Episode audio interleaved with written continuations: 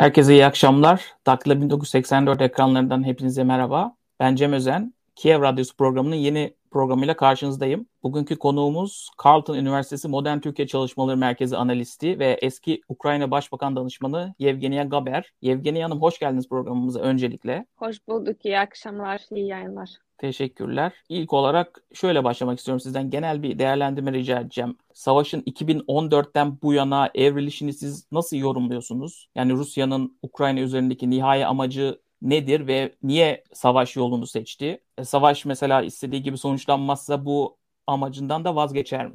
Bence Rusya'nın e, Putin'in Ukrayna ile alakalı amaçları e, çok değişmedi. Hiçbir zaman Ukrayna'yı bağımsız, egemen bir devlet olarak kabul etmedi, tanımadı ve Ukrayna halkının da istedikleri şekilde yaşamalarına izin vermemek asıl amacı, asıl hayali olabilir. Bunu açıkça söyleyebiliriz. Burada herhangi bir değişiklik olmadı ama tabii ki taktik değişti ve strateji değişti. Çünkü e, bütün her şey ilk günde olmuyor. Aslında Putin'in ve Rusya'nın bu politikaları çok daha önce başlamıştı. Eğer bakarsak Putin'den önce bile başladı. Sovyetler Birliği'nin dağılmasından sonraki ilk ihtilaflar var. Sözde post-Sovyet alanlarda ülkelerinde Rusya ile alakalıydı ve Rusya tarafından başlatılmıştı. 1992'de bakalım ne var? 92'den sonra Moldova'da Transnistria ihtilafı vardı. Rusya'nın askerleri evet. orada. Dağlık Karabak'ta e, yine de ihtilafta Rusya'nın rolü oldu. Ondan sonra geçelim Gürcistan'a. Gürcistan'da hem ilk ihtilaflar hem de 2008 yılındaki savaşta yaklaşık ülkenin %20'si sanırım Rus işgalci güçleri tarafından işgal edilmiştir. Ondan sonra Ukrayna'ya gelindi. Kırım işgal ve ilhak edildi. Ondan sonra Donbas'ta olaylar başladı, çatışmalar başladı ve bu herhangi bir tepki görmeden, batıdan, bütün dünyadan herhangi bir ceza gelmeden tabii ki e, Putin'in iştahını daha da açtırdı, daha da motive etti bundan sonraki adımlara. E, ben Türkiye'de e, yaşadığım için şu an genelde şunu duyuyorum. Aslında Ukrayna'daki savaşla savaştan sorumlu olan Amerika ve NATO NATO. Çünkü Suriye, Libya, Afganistan gibi ülkelerin listesinde şimdi bir de Ukrayna var. Ben buna ters bakma davet ediyorum. Şimdi Moldova, Azerbaycan, Gürcistan, Ukrayna, Suriye gibi ülkeler yine de Rusya'nın başlattığı veya aktif bir şekilde katıldığı savaşların listesi ve her seferinde daha vahşice, daha geniş kapsamlı bir şekilde bu savaşları sürdürüyor. Şimdiki savaşın asıl amacı hükümeti değiştirmekti ve Ukrayna'yı fiilen e, Belarus gibi Belarus senaryosuna göre ilhak etmekti. Belki toprak olarak değil ama en azından siyasi anlamda. Şimdi Ukrayna çok değişti. Ukrayna'dan bu kadar direnç görünce, bu kadar mücadele görünce Putin'in ilk planları gerçekleşmedi ve şu an daha çok doğu bölgelerine ve güney bölgelerine odaklanmaya çalışıyor. Fakat eğer yine de dediğim gibi Ukrayna'nın eli zayıf olursa, burada herhangi bir direnci görmezse veya işte Ukrayna diyelim ki silahları almazsa ve bu savaşı kaybederse eğer Putin Ukrayna'da da durmaz. Daha sonra işte bölgede bulunan başka ülkelere de geçebilir. Türkiye'deki bakış açısıyla ilgili programın ilerleyen dakikalarında döneceğiz oraya. Bizim bu Kiev Radyosu programı yapmamızın amaçlarından birisi de bu zaten. Daha doğru bilgiyi Ukraynalı kaynaklardan alabilmek. E, savaşla ilgili ben şöyle bir soru sormak istiyorum aslında savaşın başında Ukrayna ordusunun ne kadar direnebileceği konusunda çoğu insanda şüphe vardı. Hatta Putin yönetimi de fazla direnemeyeceğini herhalde hesapladı ki böyle birkaç günlük bir askeri operasyonla Kiev'e girmek üzere bir plan yapmış. Ama görüyoruz ki Ukrayna ordusu tarihi bir şekilde direniyor. Kiev cephesinde aslında şöyle söyleyebiliriz. Kiev cephesindeki savaşta kazandı. Yani Ruslar oradan püskürtüldü. Şöyle bir şey sorayım. Yani Ukrayna'nın aslında askeri olarak bir geleneği, yakın tarihte bir geleneği yok aslında. Peki bu başarı nasıl sağlandı? Yani batıdan gelen askeri yardımlar bunda tabii etkili. Ama 2014'ten bu yana Ukrayna ordusu Rus işgaline nasıl, olası bir Rus işgaline nasıl hazırlandı? Şimdi genelde askeri gelenek yok. Neden bu kadar başarılı oldunuz diye sorular soruyorlar. Ben de bunu başka bir soruyla cevap veriyorum genelde bu tarz sorulara. E, niye askeri gelenek yok diyorsunuz? Çünkü 2014 yılında biz savaş halindeyiz. Hem ne kadar Kırım'ın işgalinden sonra buna hibrit savaş denilse de bizim özellikle Ukrayna'nın doğusunda neredeyse hiçbir gün çatışmalar durmadı. Devamlı orada askerlerimiz vardı ve Ruslara karşı çıkıyorlardı ve oldukça bazı bölgelerde başarılıydı. Ondan sonra ateşkes ilan edildi fakat yine de Ruslar tarafından defalarca ve defalarca ihlal edildi. Dolayısıyla da bu 8 yılın Hatta artık 8 yılı aşkın bir sürenin sonuçları bu. Rus askerlerinin hangi taktikleri kullandıklarını biliyoruz. Hangi silahları kullandıklarını biliyoruz. Evet şu ana kadar belki aktif çatışma yoktu doğuda. İşte 2019'da ateşkes vardı, ihlal edildi ama sözde bir ateşkes vardı. Fakat yine de devamlı orada cephede askerlerimiz bulundukları için bu combat experience dediğimiz bir şey yani gerçek çatışmaların deneyimi oldukları için bugünlerde o kadar deneyimli ve o kadar iyi donanımlı. Hani tabii ki dediğiniz gibi askeri yardımların bir rolü var. Bu etken de çok önemli. Onu göz ardı edemeyiz. Fakat önemli olan şu ana kadar Rusya ile savaşa giren ve Rusya'ya karşı direnen tek Avrupa ülkesiyiz.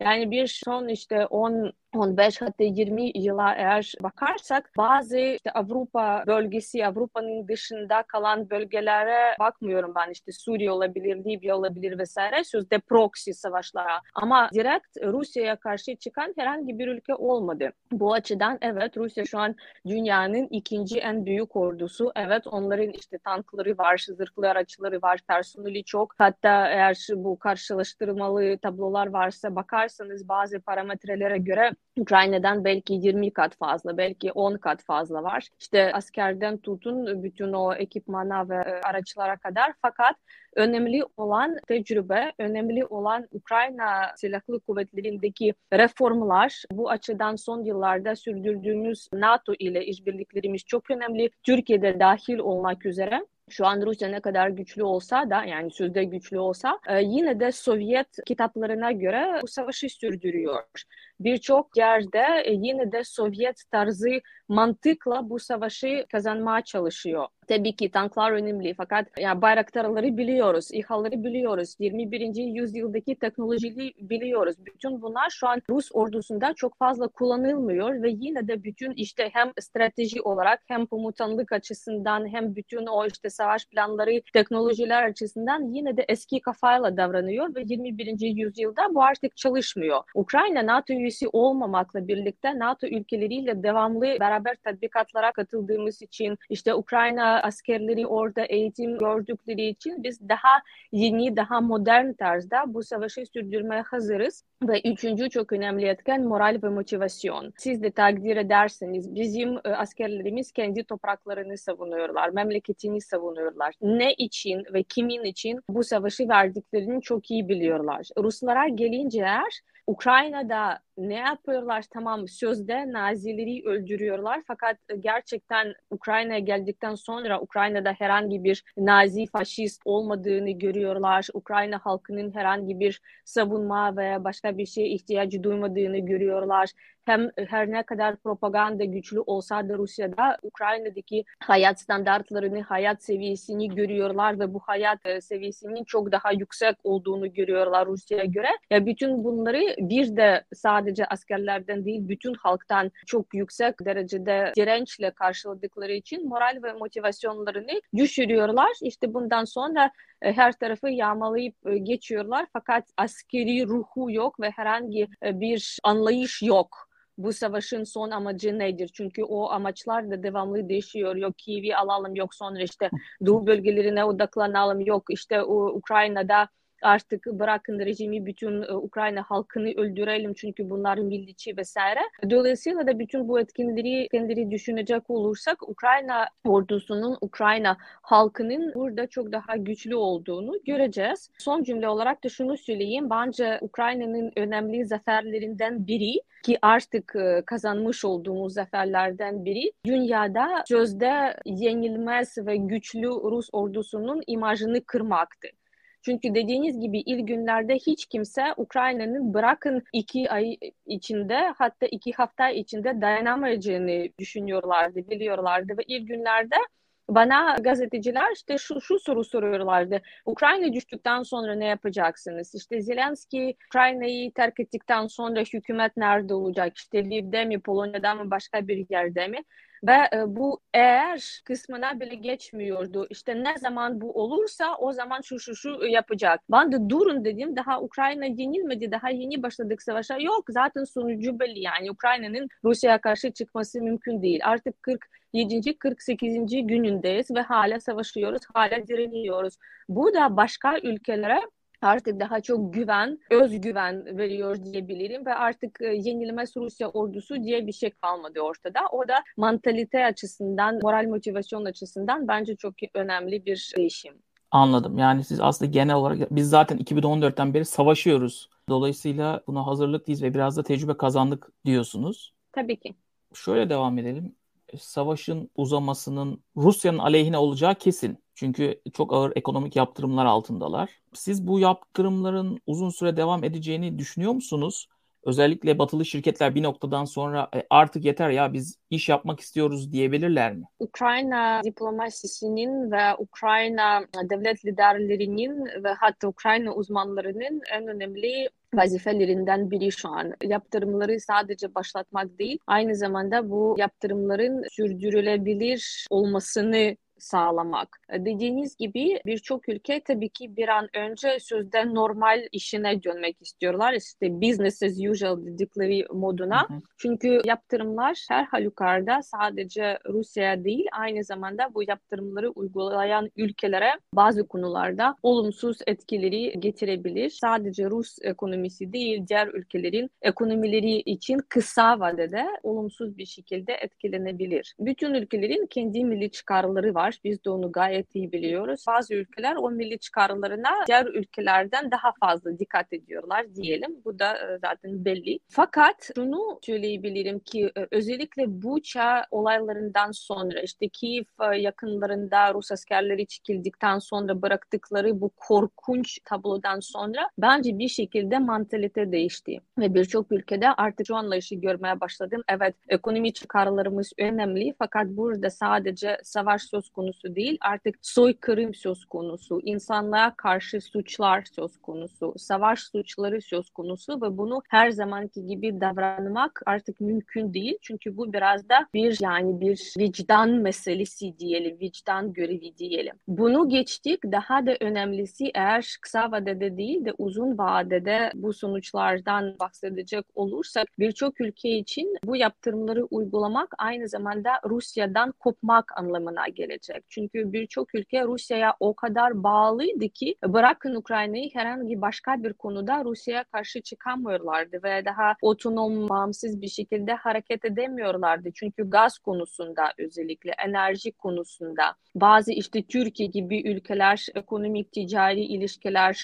turizm konularında Rusya'ya o kadar bağımlıydı ki artık bu da bir şantaj aracı haline geldi ve herhangi bir çeşitli değerlendirme, diversifikasyon olmadığı için e, bütün her şey Rusya'nın elinde olduğu için bu ülkelerin aslında dış politikasında da bazen karar verme sürecinde problemleri yaratmaya başladı. E, şu an bu yaptırımlar uygulanırsa eğer bu birçok ülke için benim e, şahsi kanaatim uzun vadede çok olumlu değişimlere yol açabilir. Çünkü hem enerji kaynaklarını kullanımı açısından hem de işte farklı ülkelerle işbirlikleri ve işbirliği imkanları açısından çok daha yeni ufuklara yol açabilir. Fakat geçici bir süreç zor olacak. Artık küresel ekonomide de tabii ki bu yaptırımların sonuçlarını görüyoruz. Fakat bizim amacımız şunu göstermek ve şunu anlatabilmek. Şu an mesele sadece Ukrayna ile alakalı değil. Şu an mesele saldırgan Rusya'yı durdurmakla alakalıdır. Çünkü eğer bugün Ukrayna Rusya'yı durdurmazsa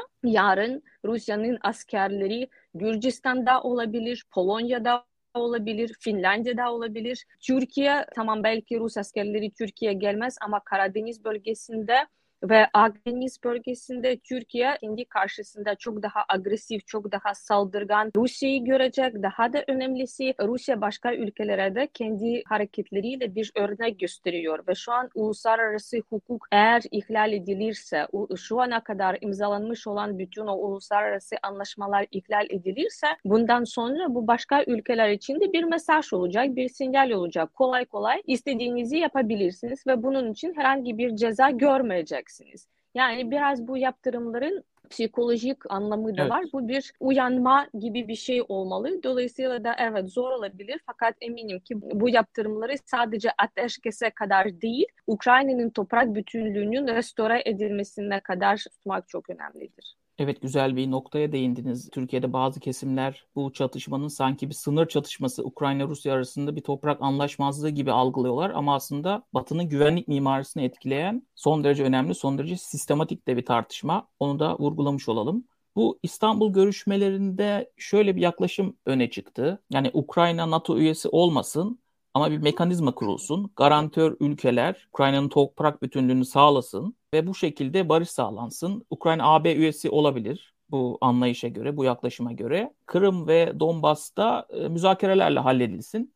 Böyle bir yaklaşım ortaya çıktı. Bunu merak ediyorum. Özellikle bu güvenlik mekanizması, garantör ülkelerle birlikte kurulan güvenlik mekanizması Ukrayna'nın istikrarını uzun süre sağlayabilir mi sizce? Bu ön e, anlaşmaları e, doğru bir şekilde yorumlamak çok önemli. Yani e, bir başlangıç olarak şunu söyleyeyim. Bu sadece bir görüşülmek üzere teklif edilen bir metindi. Herhangi bir anlaşma söz konusu değil ve zaten Rusya tarafından da kabul edilmedi. Ukrayna tarafından da imzalanmadı bir şekilde resmi bir gücü yok bunun. Sadece bildiğiniz gibi işte masaya gelmek için, görüşmelere başlamak için bir şeyden başlamak gerekiyor. O da işte ilk ön teklif teklif gibi bir şeydi. Fakat orada geçen mesela işte Kırım, Donbas'ın statüsü görüşülebilir tarzı bir şey yoktu. Cumhurbaşkanımız da birçok Ukrayna lideri de şunu defalarca vurguladı. Ukrayna'nın toprak bütünlüğü görüşülemez. Çünkü bu siyasi görüşmelerin konusu değil, uluslararası hukukun normlarıdır. Ukrayna'nın sınırları bir sefer Sovyetler Birliği'nin dağılmasından sonra 1991 yılında çizilmiştir ve Ukrayna bu uluslararası camia tarafından tanınmış sınırlar içinde yaşamaya devam edecek. Şimdi bu aşamada ateşkesi sağlamak için ve bir şekilde bu deeskalasyonu sağlamak için bazı işte hükümler dahil edildi ve dahil edilebilir metne. İşte Kırım'ı zorla, güçle, askeri güçle geri alamayız. Bunu her zaman söylüyorduk. Şimdi de söylemeye devam ediyoruz. Dolayısıyla da Kırım'ın Kırım sorununu, Kırım meselesini 10-15 yıl içerisinde görüşmeler yoluyla halledeceğiz. Ama bu demek değil ki Ukrayna Kırım'dan vazgeçiyor mesela. Aynı şekilde Donbas'la alakalı bu işte Putin ve Zelenski arasında eğer görüşme olursa o zaman iki lider arasında görüşülecek. Fakat bunu defalarca söyledik ve tekrar bunu fırsattan faydalanarak vurgulamak istiyorum. Ukrayna'nın toprak bütünlüğü, Ukrayna'nın egemenliği görüşülemez. Çünkü bu kırmızı çizgi ve herhangi bir Ukrayna hükümeti bu kırmızı çizgiyi geçemez. Hükümet geçerse eğer Ukrayna halkı bunu kabul edemez. Hele hele bu yeni savaştan sonra mümkün değil. İkincisi NATO ve NATO üyeliği. Orada tabii daha çok işte siyasi e, görüşmelere yer verilebilir. Fakat şöyle şu an Ukrayna Anayasası'nda NATO üyeliği ve Avrupa Birliği bir arı bir madde olarak metne e, dahil edilmiş ve bundan vazgeçmek için referanduma gitmemiz gerekecek. Çünkü anayasamızı değiştirmemiz gerekecek. Şimdi yine de Zelenski ne kadar görüşse bunu, hükümet ne kadar görüşse bunu, eğer böyle bir yola gidecek olursak o zaman halk referanduma gidecek ve son kararını halkımız verecek. Bu karar yine de olumlu olabilir, olumsuz olabilir. Zelenski'nin hükümetin burada yapacağı bir şey yok. Çünkü bu halk iradesiyle alakalı bir şey. Şu an halktan NATO üyelerine e, destek oranı bütün tarihi rekorları kırdı ve bu da yüzde yetmiş, yüzde yetmiş küsur oranındaydı son şeylere göre, anketlere göre. Şu an daha yüksek olabilir yeni alternatif güvenlik mekanizması ve yeni alternatif güvenlik yapısı çok önemli. Garantörlük mekanizması dediğimiz bir şey var. O da NATO'nun dışında hem Birleşmiş Milletler Güvenlik Konseyi'nin daimi üyelerinin katılımıyla hem de Türkiye gibi, Almanya gibi, İsrail gibi başka önemli aktörlerin katılımıyla çoklu bir anlaşma olabilir. Çünkü Rusya ile ikili anlaşma imzalamamız mümkün değil bu aşamada. Rusya'ya güvenmiyoruz Rusya ile imzalamış olduğumuz bütün anlaşmalar şu ana kadar Rusya tarafından ihlal edildi. Budapest Memorandum olsun, ikili anlaşmalarımız olsun. E, bütün her şey artık şu an geçersiz kaldı. Çünkü Rusya bütün her şey ne varsa her şeyi ihlal etti. Dolayısıyla da çok taraflı ve gerçekten somut mekanizmasını içeren, uygulanması için somut mekanizmasını içeren bir belgeden, bir anlaşmadan bahsediyoruz. O da sadece hazırlanma aşamasında şu an. Çünkü tam olarak hangi ülkeler katılacak olacak? Her ülke ne kadar, hangi hacimde buna katılabilir? Bu garantiler, sözde güvenlik garantileri ne yani neyi kapsayacak? Budapest Memorandumu yine de göz önünde bulundurarak bu sadece kağıtta kalmasın, gerçek hayatta uygulansın diye hangi mekanizmalar, hangi maddeler, hükümler oraya koyabiliriz diye şu an bunları görüşüyoruz. Daha çok işte dış politika uzmanları ve devlet liderleri ve diplomatlar aşamasında. Fakat yine de bu tamamen NATO'dan vazgeçmek anlamına gelmiyor gerekiyor. Geçici bir süreç için bu savaşı bir an önce durdurmak için, insanların hayatlarını korumak için e, mümkün olduğunca diplomatik yollarla, barışçıl yollarla, görüşme yoluyla e, bu ihtilafın önünü kesmek için yapılan adımlar. Uzun vadede yine de e, Ukrayna'nın yeri hem Avrupa Birliği'nde hem de NATO'nun içinde buna eminim güzel özetlediniz. Ben aslında böyle bir yorum yapıyorum. Diplomatik görüşmelerle ilgili. Diplomatik görüşmeler en az savaş kadar zorlu geçecek. Çok komplike bir konu. Fakat bu savaşın uzaması da başka sorunları önümüze çıkarıyor. Aslında sorun kelimesi de hafif kalıyor ama özellikle Rusya'nın Kiev bölgesinden çekildikten sonra yaptığı katliamlara tanıklık ettik geçen Forum Polis'te bir makale vardı. Russia's Ukraine propaganda has turned fully genocidal diye bir analiz yayınlandı. Yani bu Rusya'daki bu şey nefret, bu histeri hali nereden geliyor? Yani Ukrayna'yı yok edelim, Ukraynalılar devlet kuramaz, onlar kendi devletlerini kuramaz, kendi kendini yönetemez. Bu, bu histeri nereden geliyor peki? Çok güzel bir sorun. Çünkü birçok defa problem sadece e, sanki Putin'den kaynaklıymış gibi çok sınırlı yorumları görüyorum ben. Ne yazık ki bu problem sadece Putin ile alakalı ve sınırlı değil, Rus toplumuyla alakalı bir şey. Son anketlere göre Rus halkının Ukrayna'daki savaşa verdikleri destek yaklaşık %83-85 oranındaydı.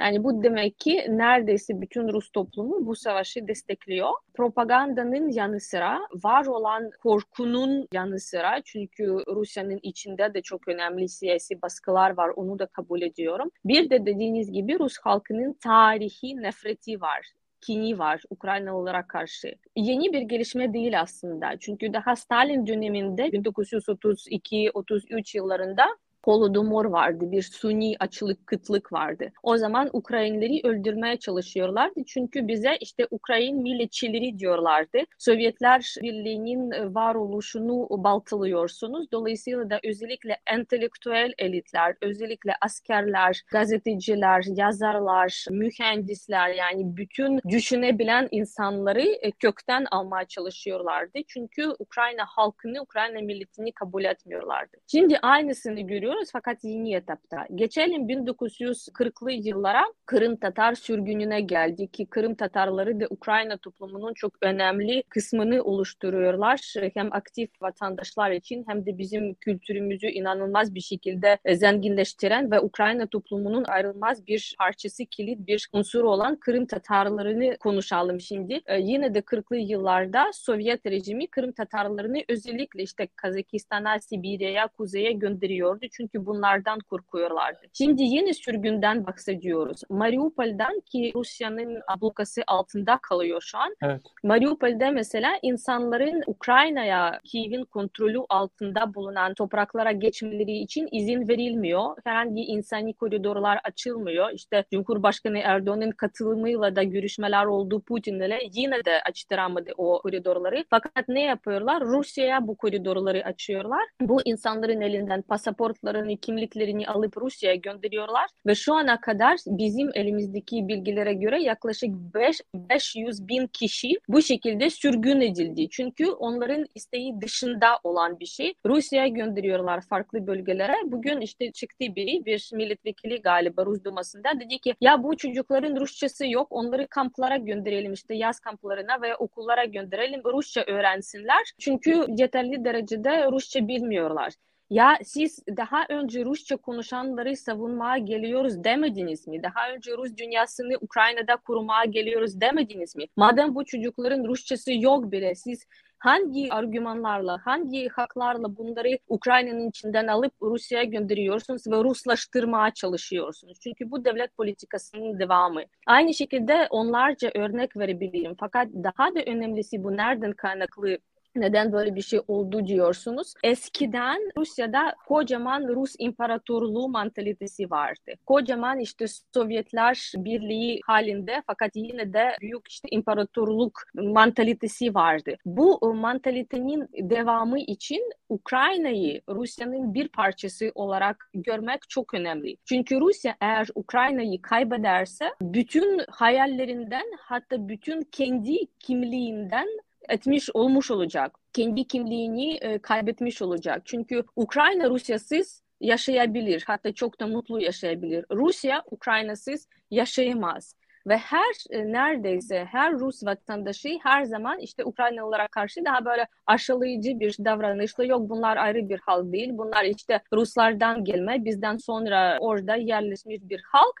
Fakat tarihe bakarsak gerçek tam ters Kiev'in olduğu dönemde hatta Kiev'in daha böyle başarılı bir şehir olarak artık gelişmiş bir şekilde haritada bulunduğu birkaç yüzyıl içinde Moskova haritada bile yoktu. Çünkü Moskova çok çok daha sonra meydana geldi. Fakat işte o kin daha yani tarihi sendromla alakalı, mantaliteyle alakalı ve Ukraynalıların Ruslara göre daha iyi hayat yaşamalarıyla alakalı. Bunu da açıkça söyleyelim. Çünkü şu an birçok mesela telefon görüşmelerini dinliyoruz. Rus askerleriyle, Ukrayna'da bulunan Rus askerleriyle hanımları arasında ilk önce şunu söylüyorlar. Bu Ukraynalılar ne kadar iyi yaşıyorlarmış. İşte onlarda e, yollar varmış, elektrik varmış köylerde. Bizde böyle bir şey yok. Bunlar işte Nutella'yı, çikolatayı yiyorlarmış. Bizim çocuk çocuklarımızın böyle bir lüksü yok. Ve bu da bir kıskançlık, bir işte başkalarının benden niye daha iyi bir hayat yaşamaları sorularıyla alakalı bir kin. Şunu da söyleyeyim örnek olarak orada yani uzun uzun anlatabilirim çünkü gerçekten içime dokunan bir şey. Ee, Rusya'da birçok akrabam var. Bu arada birçok arkadaşım vardı eskiden. Bunlar bile beni bile bile beni tanıya tanıya siz bunu hak etmişsiniz diyorlar. İşte sizin hükümetiniz ve bütün sizler bunu hak etmişsiniz. Çünkü sizi ne kadar öldürsek yine de azdır. Daha çok öldürmemiz gerekiyor gerekiyor. Çünkü Ukrayna halkı var olmaya bile hak etmiyor. Ukrayna halkını kökten almamız lazım. Açık açık bunu söylüyorlar. Ya işte o telefon e, görüşmelerine dönelim. Aileler kendi aralarında konuşuyorlar. Sağlığını bile sormuyorlar. İşte bir Rus askeri orada savaşıyorsa ne bileyim kolu patlama sonucunda kalmamışsa veya işte ayağı kalmamışsa bunu bile sormuyor. Filanca marka elbise var mı orada? İşte numara ayakkabı var mı benim çocuğum için? Sen orada hırsızlık yap, soygunluk yap, Rusya bunları bunları getir. Yani bu tamamen artık savaş değil de bir çapulculuk, bir yağmacılık haline e, döndü ve kinle, nefretle karışık olduğu için tabii ki bu savaş suçlarıyla ve insanlığa suçlarla karşı karşıya kalıyoruz. Çok üzülüyorum ama bu savaş devam ederse daha da çok göreceğiz bunlardan. Evet bu içinden çıkılmaz nefret gerçekten pek çok insani felakete tanıklık etmemize neden oluyor. Umuyorum ki bir an önce biter, savaş da bir an önce biter. Biraz da Türkiye'ye dönmek istiyorum. Siz Türkiye-Ukrayna ilişkilerini de çok yakından bilen bir insansınız. Türkiye'nin hem Rusya hem Ukrayna ile yakın ilişkileri var.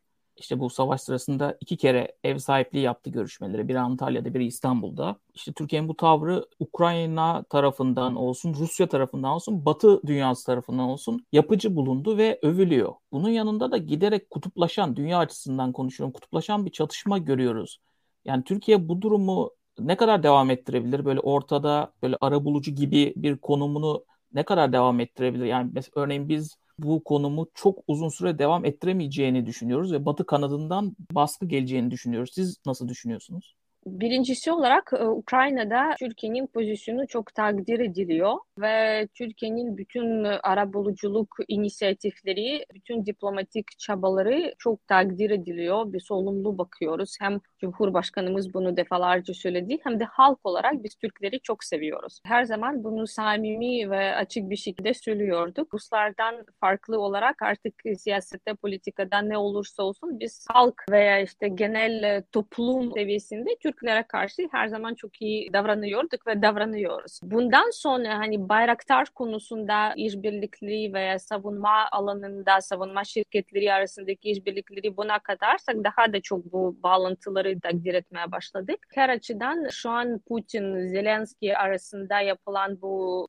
iki diplomasisi yapıcı buluyoruz. E, ne kadar olumlu sonuçlarla sonuçlanabilir orada açıkçası ben küçümserim. Çünkü e, yine de bu savaşın sonu herhangi heyetlere bağlı değil. Sadece Putin'in kararına e, bağlı olduğuna inanıyorum. Ve Putin'i etkilemek şu an mümkün değil. Cumhurbaşkanı Erdoğan bile görürse ve başka birileri görürse Putin'in kafasında bu savaşı sonuna kadar sürdürmek var. Fakat yine de hani diyalog her zaman iyi. Çünkü diyalog en azından karşı tarafın pozisyonunu duyma fırsatını veriyor. Olumlu sonuçlanmasa da ama yine de süreç olarak olumlu bir şey. Bununla birlikte Türkiye'nin yaptırımları uygulanmaması, Türkiye'nin Rus turistlerini davet etmesi hatta bunun için kredi desteğini ve devlet garantilerini de vermesi ve en azından verme planları Rusya ile enerji konusunda işbirliklerini arttırması çok iyi karşılanmıyor. Onu da oldukça samimi söylüyorum. Çünkü belirli noktadan sonra bence bu seçimi yapmak gerekiyor.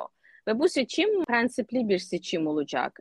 Diplomatik anlamda ve siyasi anlamda Türkiye'nin Ukrayna'yı desteklemesi belli. Çünkü bütün uluslararası örgütlerde, ikili görüşmelerde bunu defalarca söylüyor ve savaşı kınıyor. Fakat bence bu aşamayı geçtik artık. Bu sadece diplomatik destekle alakalı bir şey değil. Veya insani durumu pekiştirme çabalarıyla alakalı değil. Bizim karşımızda artık savaş suçlarını işleyen, affederseniz manyak biri var ve onu durdurmak için her yöntem, her araç e, ve her yol çok önemli. Şimdi yaptırımları mesela uygulamamakla neyi yapıyoruz? Rusya'nın bütçesini dolduruyoruz.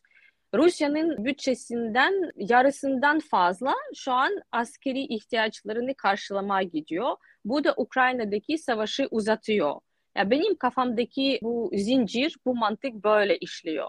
Dolayısıyla da artık Batı'nın baskısıyla çok alakalı değil bence. Türkiye daha prensipli, daha işte vicdana dayanarak bir seçenek yapmalı. Çünkü e, bizi barıştırmak güzel bir şey, ara buluculuk yapmak güzel bir şey. Fakat yani affedersiniz tecavüz edilen ile tecavüz eden arasında mesafeyi ne kadar aynı tutabilirsiniz? Bu tarafsızlık artık Ukrayna'nın aleyhine gelecek bir noktadan sonra. Çünkü belirli konularda siyasi görüşmelerden bahsetmiyoruz. Resmen soykırımdan bahsediyoruz dediğim gibi. Burada bu soykırımı yapan işte böyle bir karşılaştırmayı e, yaparsak kurbanı tecavüz eden kişiyle siz ne kadar barış içinde güle güle çalışarak ve yaşayarak hem kurbanla hem bunu yapanla, tecavüzü yapanla güzel ilişkileri sürdürebilirsiniz. Orada mesela şüphelerim var. Çünkü belirli bir noktadan sonra artık öyle bir aşamaya geldi ki daha net bir şekilde kendi tutumunu belirlemek lazım. Benim şahsi fikrim Türkiye bundan sonra da böyle işte denge politikası dediğimiz bir şeye devam etmeye çalışacak. Çünkü Türkiye ben Türkiye'nin hassasiyetlerini de çok iyi anlıyorum. Yani Türkiye için işte enerji alanında Rusya ile çalışmak çok önemli. Çünkü gaz ihtiyaçlarını e, çoğu zaman yani yaklaşık yarısı kadar bu ihtiyaçların yarısını kadar Rus gazıyla karşılıyor. Fakat ilk baştan dediğimiz gibi bu da bir fırsat, bir imkan olarak görülebilir. Bundan sonra çeşitlendirme yoluna gitmek, bundan sonra LNG konusunda işbirliklerini daha aktif hale getirmek, bundan sonra Rusya karşı tutumunu değiştirmek ve o kadar bağımlı kalmamak açısından belirli adımları atma yoluna da gidilebilir ve bence bu sadece Ukrayna için değil, Türkiye için daha faydalı, daha önemli ve daha geleceğe bakan bir yol diyelim. Çünkü şu an tehdit sadece Ukrayna'ya yönelik değil. Tehdit aynı zamanda Türkiye'ye de yönelik. Ve eğer mesela 2015 yılını hatırlayacak olursak Rus uçağının düşürülmesinden sonraki dönemi hatırlarsak ki ben o zaman Türkiye'deydim. Bütün bunu Türkiye'nin içinden izliyordum. Rusların Türkiye'ye karşı davranışları böyle değişti daha dün işte bizim dostumuz, bizim e, kardeş ülkemiz diyen Ruslar ertesi gün ne dediler? Erdoğan ailesi IŞİD'i destekliyor. Erdoğan ailesi Irak'ta, Suriye'de petrol şeylerin ticaretini yapıyor vesaire vesaire. Rusların sözleriydi bunlar. Ve bu bir gece içinde değişti. Bundan sonra işte Türkiye ile farklı bölgesel ihtilaflarda farklı barikatların farklı taraflarında olmaya başladı. Hem Türkiye hem Rusya. Şu an nereye bakarsak bakalım Gürcistan olsun, Ukrayna olsun, Libya olsun, Suriye olsun, Kürt meselesi olsun yani daha 10 tane örnek verebilirim. Hem Türkiye hem Rusya tamamen farklı güçleri destekliyor ve barikatların farklı taraflarında bulunuyorlar. Şimdi eğer bu konjonktür içinde Rusya'yı durdurmazsak eğer Ukrayna, Türkiye, Batı dünyası olarak Rusya'yı, Rusya'nın bu saldırganlığını, bu askeri makinesini durdurmazsak eğer bundan sonraki ülke her ülke olabilir. Türkiye dahil. Dolayısıyla da bence Rusya'ya bağımlılığını azaltmak mümkün olduğunca Ukrayna'daki durumdan faydalanarak NATO ile ilişkilerini pekiştirmek, evet. Ukrayna'daki durumdan faydalanarak ABD ile ilişkilerini pekiştirmek, bazı işte problemli konular vardı. Başka konularda Ukrayna'ya destek gibi konularında Batı liderleriyle çalışarak Türkiye'nin uluslararası imajını pekiştirmek gibi opsiyonlar var. Bence uzun vadede bu Türkiye ile çok daha önemli ve çok daha iyi yerlere getirecek bir strateji olabilir. Evet belirttiğiniz gibi Türkiye'nin konumu böyle arada derede bir konum. Aslında Türkiye içinde de şöyle bir ilginç bir durum var. Türkiye savaştan sonra ilginç bir kitleyi ağırlıyor. Özellikle İstanbul. Bir tarafta muhalif Ruslar var.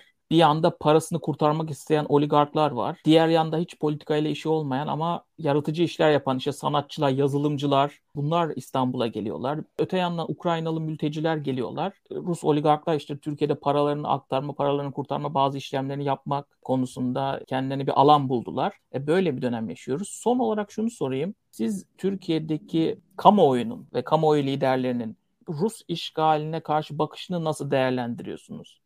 Bu da güzel bir soru çünkü son e, birkaç gün içinde farklı anketlere baktım. Enteresan bir şekilde Ukraynalıları çok destekliyor Türkiye ve Türkler. Bunu da zaten her gün hissediyorum. Fakat bu savaşı başlatan veya bu savaşın çıkmasını mümkün kılan, tetikleyen taraf nedir diye sorulduğunda işte farklı cevaplar var. Ee, Ukrayna, Rusya, ABD, NATO vesaire. Ee, daha çok Türk ABD'yi ve NATO'yu suçluyor bununla ve Rusya'yı daha az suçlu buluyor. Benim için bu çok enteresan bir yaklaşım. Çünkü e, birincisi burada 100 yıldan beri Rus etkenliğin faktörünün çok güçlü olduğunu hissediyorum. Son yıllarda da Rus propagandasının inanılmaz güçlü olduğunu buluyorum. Yani Sputnik, Russian Today kanalların hatta bazı finans kaynakları çok geniş olduğu için bazen işte Türkiye'de çalışan dış politika uzmanlarının ağzından çıkan tamamen yanlış bilgiler vesaire vesaire öyle bir e, tabloyu getirdi ki şu an mesela bir Dugin'i alın biliyorsunuz Putin'in akıl babası e, dediğimiz bir Alexander Dugin var ki kendisi e, faşist nazist fakat bir onu alın bir de diyelim ki Amerika'dan veya başka bir batı ülkesinden doğru düzgün dış politika uzmanını alın ben eminim ki Dugin'e inanan insanların sayısı çok daha yüksek çıkacak. Neden? Çünkü genel olarak işte anti-Amerikan duyguları var. NATO'ya karşı çok görüşü var ve aynı zamanda inanılmaz Rus propagandası var. Dolayısıyla da bu evet Ruslar belki kötü olabilir. Fakat en azından bizim bölgemizden. Çünkü bu işte Amerikalılar ve Avrupalılar hep iki yüzlülük yapıyorlar. Çift standartlarını uyguluyorlar vesaire. Ben ona girmiyorum. Başka konularda öyle bir şey yapmış olabilirler ve yapmamış olabilirler bu bambaşka bir konu. Fakat net gibi e, şey, dün gibi net bir şekilde şu var ortada. Rusya'dan gelen tanklar Ukrayna topraklarını geziyorlar. Rus askerleri Ukrayna kadınlarını tecavüz ediyorlar. Rus askerlerini Ukrayna sivillerini öldürüyorlar. Rus uçakları bombalarını bizim çocuk yetim evlerine, doğum evlerine, hastanelere bomba atıyorlar. Rus savaş gemilerinden Ukrayna şehirlerinde meskun mahallelere füzeleri, Kaliber, Grad gibi füzelerini fırlatıyorlar ve bunun NATO ile herhangi bir alakası yok. Bunun tamamen Rusya'nın başlattığı savaşla bir alakası var. Bunu kabul etmemiz lazım bir sefer. İkinci önemli konu şu var. Tamam belki şu an Rusya bu savaşı sürdürüyor olabilir. Fakat bunu tetikleyen ve Rusya'yı zorla bu savaşa iten bir NATO vardı. Çünkü NATO işte Rusya'yı kuşatmış veya NATO Rusya için bir risk oluşturmuş.